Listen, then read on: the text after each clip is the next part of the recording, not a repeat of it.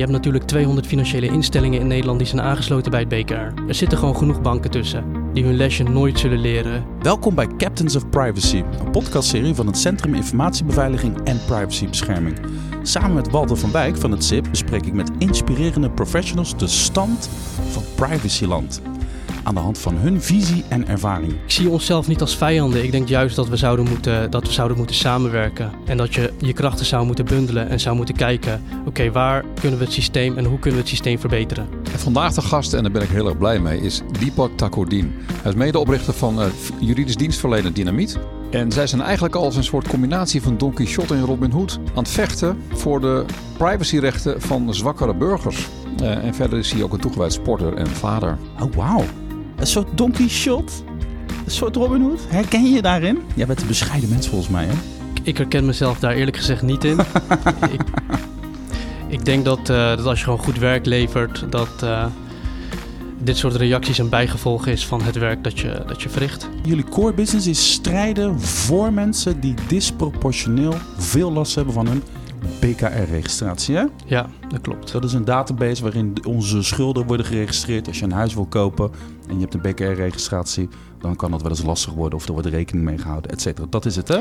Dat is onze core business. En dat disproportioneel raken, kun je eens een voorbeeld geven? Wat, wat iedereen herkent dit Ja, er zijn, kijk, er zijn tal van voorbeelden. Je hebt... Uh, Kijk, de meest standaard zaken, dat zijn uh, mensen die door een ongelukkige samenloop van omstandigheid, een ziekte, een scheiding, onvrijwillige werkloosheid, um, ja, negatief geregistreerd staan bij het BKR. En dan gaat het vaak om pietluttige bedragen.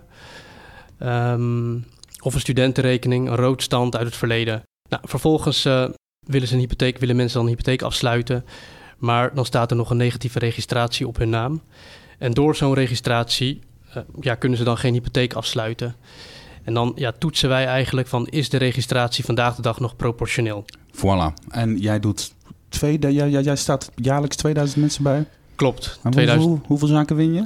Nou, ruim 70% van alle zaken winnen we. Wauw. Ja. En hij wil beweren dat hij geen Don Quixote slash Robin Hood is, Walter. Nee, maar ik snap het wel dat hij zich daar niet in herkent. Maar dat is wel het imago wat aan je blijft kleven. Als je dit soort dingen doet, anderen zeggen dat over jou. Jij zou het niet over jezelf zeggen. Dat snap ik ook.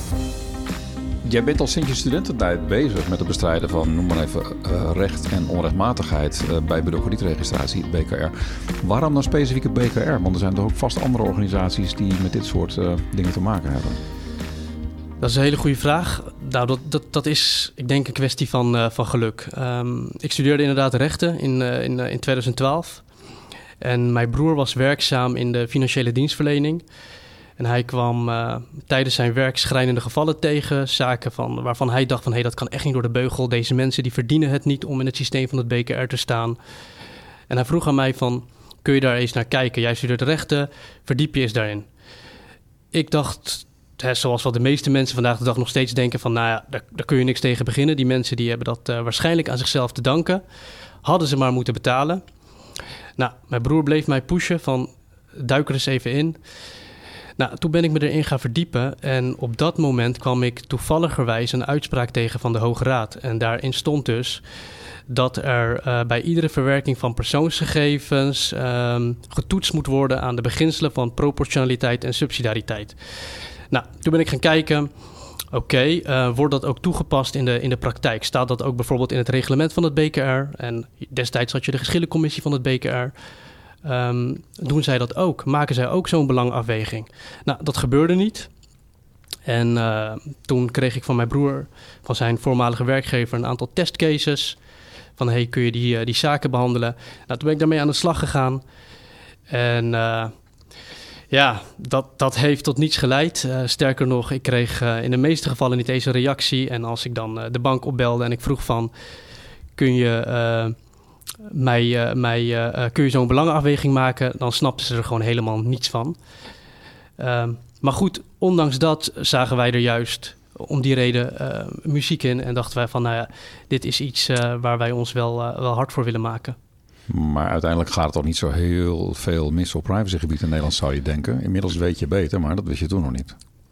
Dat, uh, nou, ik, ik, had, ik, ik, wist het wel, omdat ik uh, dus de verhalen hoorde van, uh, van mijn broer. Maar ik wist niet dat het op zo'n zo grote schaal gebeurde. Okay. En sinds, kijk, sinds 2012 zitten wij niet verlegen om werk. Wij hebben het altijd druk, dus er gaat een hoop mis. Een hoop mis. Oké, ik wil even een klein stapje terug. Je bent een student. Je Ja. student rechtenstudent. Dat vond je misschien interessant. Je dacht misschien Ja. kan ik mensen hierbij helpen. Je broer zit in de financiële dienstverlening. En dan kom jou met een paar casussen. Jij gaat ermee aan de slag.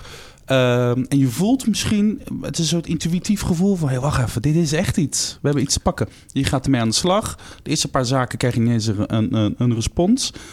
Wanneer had je voor het eerst het gevoel... wacht even, we hebben echt iets te pakken hier. We hebben, dit is belangrijk. Hier gaan we een bedrijf van brouwen met z'n tweeën. Want je hebt uiteindelijk niet eens je studie afgemaakt. Klopt. Ja, dat klopt. Dat dus klopt. het was kennelijk belangrijk genoeg om te zeggen... jongens, bekijk Klopt. maar, we gaan niet mee aan de slag. Dat klopt. Ik heb toen een, eh, een, een afweging moeten maken tussen doorstuderen of eh, ondernemer worden. Eh, we kregen het ja, op korte tijd al heel erg druk en ik kon het gewoon niet, niet combineren. Kijk, belangrijk om te weten is dat ik, ja, ik ben rechten gaan studeren omdat het, ik wist van mezelf, het geeft mij een kick om te zorgen voor rechtvaardigheid. Een stukje, een stukje voldoening, om dat te, dat te realiseren voor, voor mensen. Ehm, en dat, dat gevoel dat kreeg ik wel ehm, in de, in de BKR-materie. Dat heb ik nog steeds vandaag de dag. Elke dag wanneer ik een zaak oplos, dan spring ik een gat in de lucht. En ja, ja dan word je, gewoon, je wordt gewoon blij op het moment dat je een registratie verwijdert... of omdat je een, een klant daarmee, eh, daarmee kan helpen. En dat, ja, dat, dat houdt gewoon nooit op. Inmiddels 2000 zaken per jaar. Ja, klopt. Je wint 70 procent. Ruim 70 procent, ja. Zijn jullie nog steeds met z'n tweeën? Nee, nee, nee. We, zitten, we, we werken op dit moment met 24 mensen. Daar zitten, daar zitten juristen tussen, advocaten tussen, eh, professionals. Mensen die hun studie wel hebben afgemaakt. 24 man. Ja. Die zitten te tijgeren, omdat er constant kennelijk zaken worden aangeleverd. eh, waardoor, waar, waarbij mensen het gevoel hebben van... hé, ik word disproportioneel hard geraakt door mijn eh, registratie bij BKR. Die zaken, hè, als je het vanuit juridisch perspectief bekijkt... zijn die gericht tegen de, de, de banken die geen hypotheek verstrekken... of tegen BKR die die registratie niet willen los? Wat, wat zijn het voor zaken? Die, dat zijn, eh, dat zijn gericht, zaken gericht tegen de kredietverstrekkers die een registratie hebben geregistreerd bij het BKR. En, ik kan je wel even meenemen in dat, in dat, in Ja, hele maar, traject, graag, hoe, dat, hoe dat eruit ziet. Nou, iemand die... eh, kijk, natuurlijk hebben heel veel mensen die hebben last van zo'n registratie. En als je eerlijk bent, dan, dan weet je dat de meeste mensen thuis horen in dat systeem. Het is in veel gevallen natuurlijk ook gewoon functioneel. Precies, precies. Dus het is logisch dat, eh, dat, dat, dat, dat je mensen boycott of op de zwarte lijst zet en dat ze daar, daardoor niet, eh, niet verder kunnen. Maar je kan niet iedereen over één kam scheren. Eigenlijk wat er, wat er op dit moment gebeurt, als ik je een goede voorbeeld mag geven, vergelijk het een beetje met een, eh, met een supermarkt. Dus je hebt, eh, je hebt bijvoorbeeld een, eh, een, een persoon die heeft helemaal geen geld en die heeft honger. En die besluit om een, om een appel te stelen. Nou, diezelfde persoon, die wordt dan opgepakt door de politie en krijgt van de rechter een straf opgelegd omdat hij een appel gestolen heeft. Nou, de rechter die zal dan kijken van waarom heb je de appel gestolen en eh, wat, was jouw motief? En die houdt daar dan rekening mee met je had geen geld en het ging maar om een appel. Nou, waarschijnlijk zul je daar dan, laten zeggen, een, een geldboete of een taakstraf voor krijgen. Nou, dan heb je een ander voorbeeld van iemand die gaat ook naar een supermarkt, maar die besluit om de, om de kluis leeg te roven. En die gebruikt daarbij grof geweld. Die persoon die wordt ook opgepakt. En dan zegt de rechter van... hé, hey, jij krijgt een totaal andere straf dan die persoon die de appel heeft gestolen. Logisch natuurlijk. Mhm. Je gaat, eh, je gaat de bak in. Nou, wat er op dit moment gebeurt in het systeem van het BKR... is dat eigenlijk iedereen dezelfde straf krijgt. Dus iemand die een achterstand heeft van eh drie keer 20 euro... arrest van, de Santan, van Santander, hè, op, dat is het fundament Mhm. van ons bedrijf... Die krijgt dezelfde straf als iemand die bijvoorbeeld 80.000 euro heeft geleend en met de Noorderzon is vertrokken naar het buitenland. oké, dit snap ik. Ik snap de metafoor van de supermarkt ook. Maar nu even een concrete casus. Je hoeft geen naam en toenaam te noemen natuurlijk. Maar iemand belt jou. En die Ja. zegt van... Hé hey man, Ja, ik zit hier met mijn hypotheek. Ik heb gedoe, BKR. eh, en jij zegt, oké, vertel maar. nou, ik, heb, eh, ik kan denk ik een boek schrijven over alle soorten casussen die wij, eh, die wij hebben gehad. Eén casus die, die staat mij nog bij. Dat is een zaak die wij recentelijk hebben, hebben gewonnen. En dat ging over een, eh, een, een stel, een, eh, een man die had last van een negatieve registratie. Omdat hij ehm, zijn zoon had verloren en daardoor ehm, depressief raakte en tijdelijk dus niet, eh, niet kon betalen. Nou, die zaak die hebben we uiteindelijk bij de rechter moeten uitvechten. En dat was überhaupt nooit nodig geweest om zo'n zaak bij de rechter uit te moeten vechten. Uh, nou, wat hebben we gedaan? We hebben eerst onderzoek gedaan naar de registratie. Is de registratie juist gemeld? Klopt het verhaal van de klant? Is zijn zoon uh, daadwerkelijk overleden? Um, is er een, een kausaal verband tussen de achterstand en, en, en, zijn persoonlijke omstandigheid? Is hij vandaag de dag financieel stabiel? Hoe zag zijn situatie er toen uit, et cetera? Mhm. Nou, dat breng je eigenlijk allemaal in kaart en dan maak je een reconstructie van wat er nou destijds gebeurd is. Um, nou, dat verwerk je dan in een, in een brief. Nou, dat is een brief van, van ongeveer acht pagina's. En daarbij doe je dus, uh, dat, dat, dat, dat, als, als bijlage voeg je ook je onderzoeken toe de financiële situatie van de klant en dat dien je dan in bij de bank. Nou, zo'n bank moet dan een belangenafweging maken, maar de medewerker daar die kan zich totaal niet of kon zich totaal niet verplaatsen in de situatie van, uh, van onze cliënt. Die zei van ja, weet je, had je maar gewoon moeten betalen. Hmm. En dat komt gewoon heel hard over bij, uh, bij zo iemand. Die snapt, er, die snapt er niks van. Wij snappen het ook niet. Ik kan het ook niet verkopen aan mijn cliënt dat de bank niet wil meewerken, omdat er gewoon geen enkele goede argument daarvoor is. Nou, vervolgens wordt dat uitgevochten bij, uh, bij de rechtbank. Uiteindelijk is deze zaak trouwens bij het, uh, bij het gerechtshof terechtgekomen. En dat komt oh, er wordt ook nog weerstand geboden ook, dus je blijft maar gaan natuurlijk. Ja, en je moet zo zien, de bank in deze casus, ik wil geen namen noemen ING, maar uh, de bank in deze casus, dat, uh, ja. dat, is een, dat is een bank die, die zet daar een, een, een aantal Zuidas-advocaten op. En dat zijn senior advocaten. Oké, okay, okay. het, het, gaat me nu even niet om de ja. bank, het gaat okay, me om de, om de illustratieve casus. Oké, dus, dus er zijn een paar dingen gaande hier. Jij weet, er is een soort zoiets als een soort disproportionaliteitsbeginsel. Ja. je hebt de casus uitgewerkt. Je, hebt, je bent zelf tot de conclusie gekomen. Dit is waarschijnlijk niet een zaak waarbij iemand uh, uh, uh, waarbij het onverantwoord is als hij een hypotheek krijgt. Ja. Dus jij schrijft een verhaal van acht pagina's. Je doet ook nog eens een keertje een documentje erbij waarin uitgelegd wordt. Het bestaat zoiets als, dis, als een soort dis, als een proportionaliteitsbeginsel. Waarmee je eigenlijk tegen de bank zegt: Kom op man, laten we eventjes de menselijke maten bijnemen. Ja. En er zijn zelfs wetten voor. En dat doen ze dan niet. En dan kom je bij de rechter en dan win je. Oké, okay, dit is het roundup. We hebben weer een nieuwe stelling. Jij bent al vanaf 2012 bezig met bureau Dynamiet, het juridisch adviesbureau. Um, is het dan niet zo dat vechten tegen die grote database-organisaties eigenlijk een gebed zonder eind is? Of zie je nog licht aan het einde van de tunnel? Ik zie, ik zie zeker licht aan het einde van de tunnel. Omdat, zoals ik net vertelde, in, in 2012 toen reageerden banken niet eens. Zij wisten niet eens wat een belangenafweging was. In de loop der jaren, nou, we hebben denk ik ja, inmiddels zo'n 200 rechtszaken gevoerd. En in, uh, in de loop der jaren is er wel heel veel veranderd bij, uh, bij de meeste banken. Vandaag de dag wordt er wel een belangenafweging gemaakt, alleen wordt die vaak niet goed gemaakt. En de ene bank is de andere bank niet. Dus daar waar de ene bank zijn werk wel goed doet, laat de andere bank bewust of onbewust steken vallen. Um, maar ik, ik, als, als, je, als, je, als je deze lijn zou doortrekken naar de komende tien jaar, dan verwacht ik dat er over tien jaar weer een hoop is veranderd.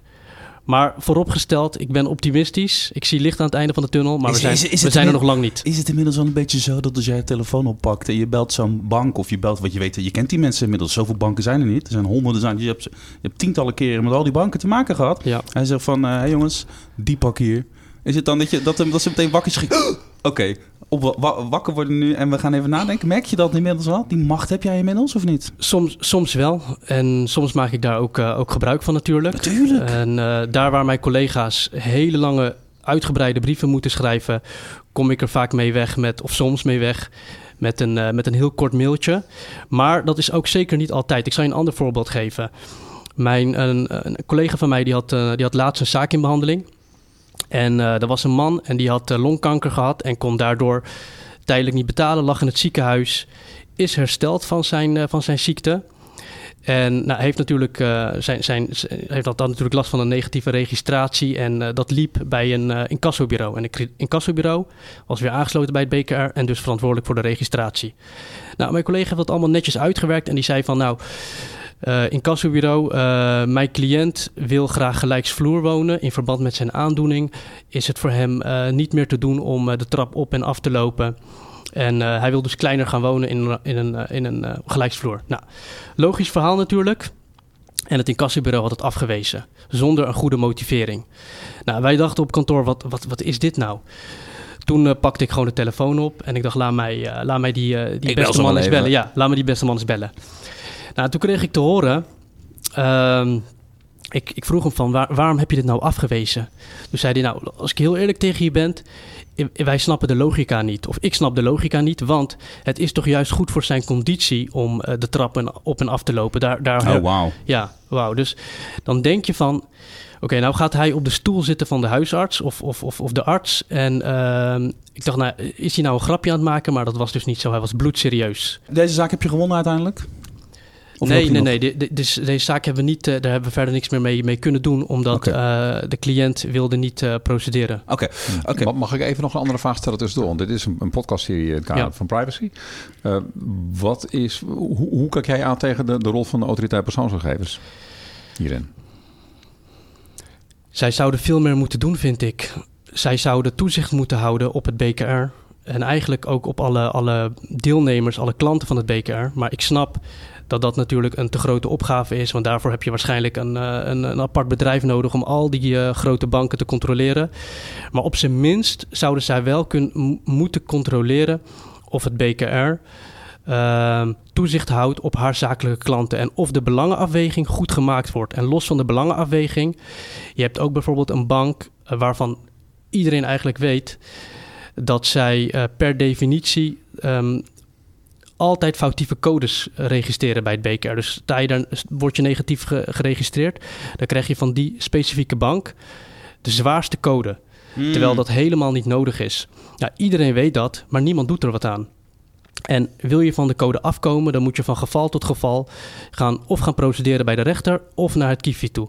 En dat slaat natuurlijk nergens op. En dat, ja, het, de autoriteit persoonsgegevens zou daar toezicht op moeten houden en zorgen dat dat niet meer. En als jij tien jaar vooruit kijkt, waar ben jij dan met je bureau? Wat is dan de situatie ten aanzien van de BKR? Hebben jullie misschien andere soorten organisatie op je netvlies, op, je, op de korrel? Kijk, ik zie onszelf niet als vijanden. Ik denk juist dat we zouden moeten, dat we zouden moeten samenwerken.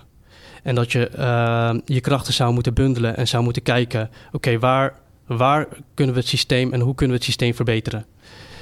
Ehm, over tien jaar denk ik dat er wel een betere belangenafweging gemaakt zal worden. Maar ehm, Ah, sorry, ik onderbreek het. Zou jij over tien jaar niet een soort consultant kunnen zijn voor de banken? Die op een gegeven moment denken van... hé, hey, we hebben een klant die wil een hypotheek... en we weten eigenlijk even niet zo goed wat we daarmee aan moeten. We bellen gewoon onze consultant Deepak om te checken van... hé, is er- wat, wat moeten we met deze... Zou dat iets kunnen ja, zijn? misschien wel. Ik zou me gevleid voelen als dat zou, eh, zou gebeuren natuurlijk. Ehm, maar ja, wat, wat we niet moeten vergeten is dat er op dit moment steeds meer mensen bij het BKR komen. In negatieve zin.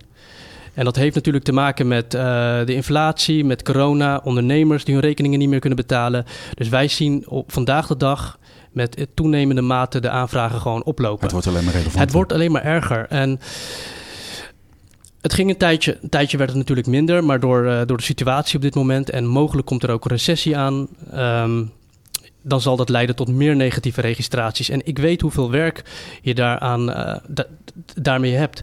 Bijvoorbeeld toen, eh, toen Dexia er een puinhoop van had gemaakt, toen, of DSB natuurlijk, of toen huizen onder water stonden. Dan heb je juristen nodig die dat, die, dat kunnen, die dat moeten onderbouwen, die dat moeten uitleggen aan de bank. En die Ja. daar een En verhaal van maken. Dus ik denk dat we de komende tien jaar nog wel zoet zijn daarmee. We hebben dan nog een eh, stelling te pakken hier. Ja, want je zegt al terecht, er zijn alle economische eh, omstandigheden waardoor de risico's voor eh, financiële instellingen eh, groeien en stijgen. Ehm, maar komt er wel een moment, denk jij, dat die grote dataverwerkers hun les gaan hebben geleerd en sociaal rechtvaardiger met dit soort dingen omgaan zelf? Want jullie zijn zelf steeds zichtbaarder. Hè? Jullie resultaten worden beschreven in Ja. Trouw, in de Telegraaf. Misschien helpt, hopelijk helpt deze podcast er daar ook bij. Gaat op een moment komen dat ze echt daarin geleerd hebben? Ik hoop het wel. Van sommigen verwacht ik het ook. Die, eh, die, proberen, die proberen het ook echt anders te doen. En dat zie je ook, dat ze eh, zich beter kunnen verplaatsen in de mens zelf en niet als, eh, als robots handelen. Dus ik verwacht het wel, maar toch zitten er ook gewoon banken tussen. Je hebt natuurlijk 200 financiële instellingen in Nederland die zijn aangesloten bij het BKR. Er zitten gewoon genoeg banken tussen die hun lesje nooit zullen leren. De ironie van het verhaal is dat als jij je werk goed doet en er gaat daadwerkelijk iets veranderen, iets fundamenteels ook in de mentaliteit van de financiële dienstverleners, dat je dus je, je eigen business aan het opheffen bent uiteindelijk. Ik hoop het, ik hoop het. Ik ben dan niet mijn eigen business aan het opheffen. eh, omdat, kijk, Dynamiet Nederland is inmiddels een merk. Ehm, je kan op, met dat merk kan je gewoon ve- vele kanten op. Ehm, en ik hoop oprecht dat, eh, dat wij een dag niet meer nodig zijn. Maar dat daar, ja, da- daar, daar de tijd zal leren. Frauderegistraties. Er zijn er meerdere registratiesystemen waarvan je zou Zeker. kunnen denken van... daar hebben mensen disproportioneel veel last van. Zeker, zeker. We focussen ons niet alleen maar op BKR-registraties, maar ook op frauderegistraties. Ook op eh, registraties in andere databases, zoals die van Experian, Focum, ehm, EDR. En daar kom je eigenlijk in terecht op het moment dat je een eh, achterstand hebt gehad bij een, eh, bij een, bij een willekeurig bedrijf. En, en, en zij zetten dan de vordering over aan een incassobureau. Het incassobureau meldt dan de vordering bij zo'n Ah. een, een, een handels... Oké, dus het gaat eigenlijk de hele tijd over eh, data van mij. Die wordt ergens geregistreerd en dat popt een keertje op en ik heb er last van. En dan bellen we Deepak.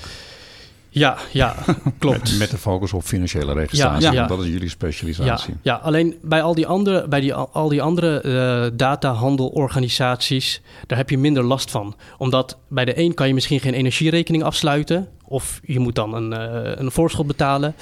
Of kan je geen, eh, geen, kom je moeilijker aan een huurwoning. Maar bij het BKR, daar gaat het echt om, om, het- om het verkrijgen van een hypotheek. Heeft de BKR zelf geen verantwoordelijkheid hier? Want eh, die banken die kunnen alles wel zeggen. Die kunnen codes toekennen. Maar kan de BKR niet even checken of dat wel terecht is? Ze zijn toch niet een soort blind doorgeven luik van informatie? Ik denk dat dat, eh, dat, dat, dat dat in de ideale situatie wel, eh, wel het beste zou zijn. Maar ik, ik verwacht niet van het BKR dat dat, dat dat praktisch haalbaar is. Omdat dan heb je gewoon zoveel werk om, om dat allemaal te moeten controleren. Als je, kijk, er staan 9 miljoen mensen geregistreerd bij het BKR. Als je dat allemaal wil controleren op rechtmatigheid, ja, dan. Ja, er is zat bewijs dat het nodig is. Ja, ja, de, jij hebt een bedrijf met 24 man in dienst. Het- Het is nodig. En daar begint het. Het, het is in ieder geval nodig om eh, een goede belangenafweging te maken en te controleren of de kredietverstrekkers dat doen. En het is ook nodig om te controleren of kredietverstrekkers er geen potje van maken en niet bewust of onbewust foutieve codes registreren bij het BKR. En ze dan op de vingers te tikken. Oké, jij kijkt terug op 10 jaar werkervaring. In 2012 was je alleen gepassioneerd en nu ben je ook gepassioneerd en ervaren.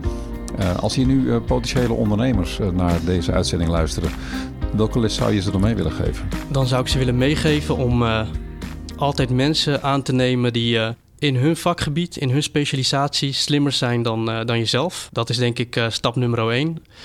Stap nummer twee, dat is een, eh, een, een belangrijke pijler voor, voor mijzelf. Dat is investeren in, in de mensen die er werken bij je bedrijf. Zorg dat de mensen die, die voor je werken, ehm, dat zij ook geloven dat het hun bedrijf is. Ehm, kijk, bij ons bijvoorbeeld is er geen hiërarchie. Niemand speelt de baas.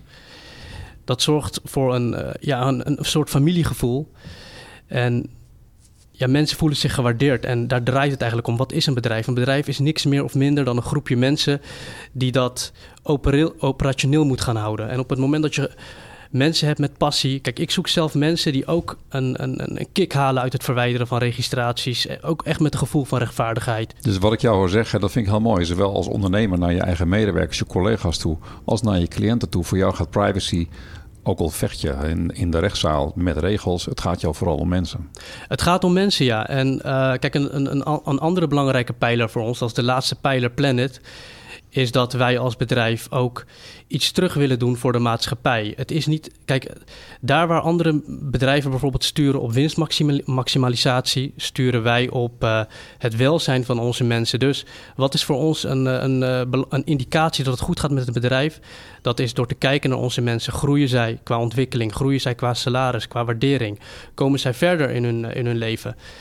Als het antwoord daarop ja is, dan weten wij dat het ook goed gaat met het, met het bedrijf. Tuurlijk sturen wij ook op cijfers, maar dat is minder belangrijk voor ons. Nou, wat doen wij bijvoorbeeld?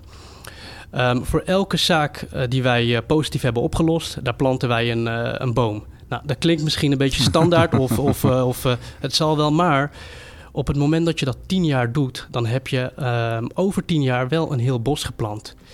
Daarnaast gebruiken wij een deel van, van onze omzet ehm, voor het helpen van andere mensen. Dus bijvoorbeeld eh, de voedselbanken om die te financieren. Op dit moment eh, doen wij ook zaken kosteloos. Mensen die in de schulden zitten. Een deel van hun schulden lossen we zelfs in. Mensen die hun energierekening. De mensen die dan voor jou werken weten ook van... hé, hey, kijk, wij, zijn, wij zijn met iets bezig. Ja, dus wat ik hoor, Deepak Takurdin van bureau Dynamiet. Eh, jij werkt op het kruispunt van privacy en sociale gerechtigheid. Nou, ik, wel, ja. ik vind het nogal wat. We hebben hier te maken met een Don Quixote. We hebben te maken met een Robin Hood. Die ook nog eens een keer bomen plant. En op zoek is naar welzijnsmaximalisatie. Dankjewel Deepak voor je mooie verhaal. Eh, luister ook de andere podcasts terug. En het zijn allemaal inspirerende mensen. Je hoort het. Eh, Walter, waar kunnen de mensen deze terugluisteren? Op de website van SIP, sip-overheid.nl slash uitgelicht. Dankjewel. Jullie heel erg bedankt eh, voor de uitnodiging. Ja, en dankjewel dat je hier toch even jouw signaal wilt laten klinken. Geen dank, graag gedaan.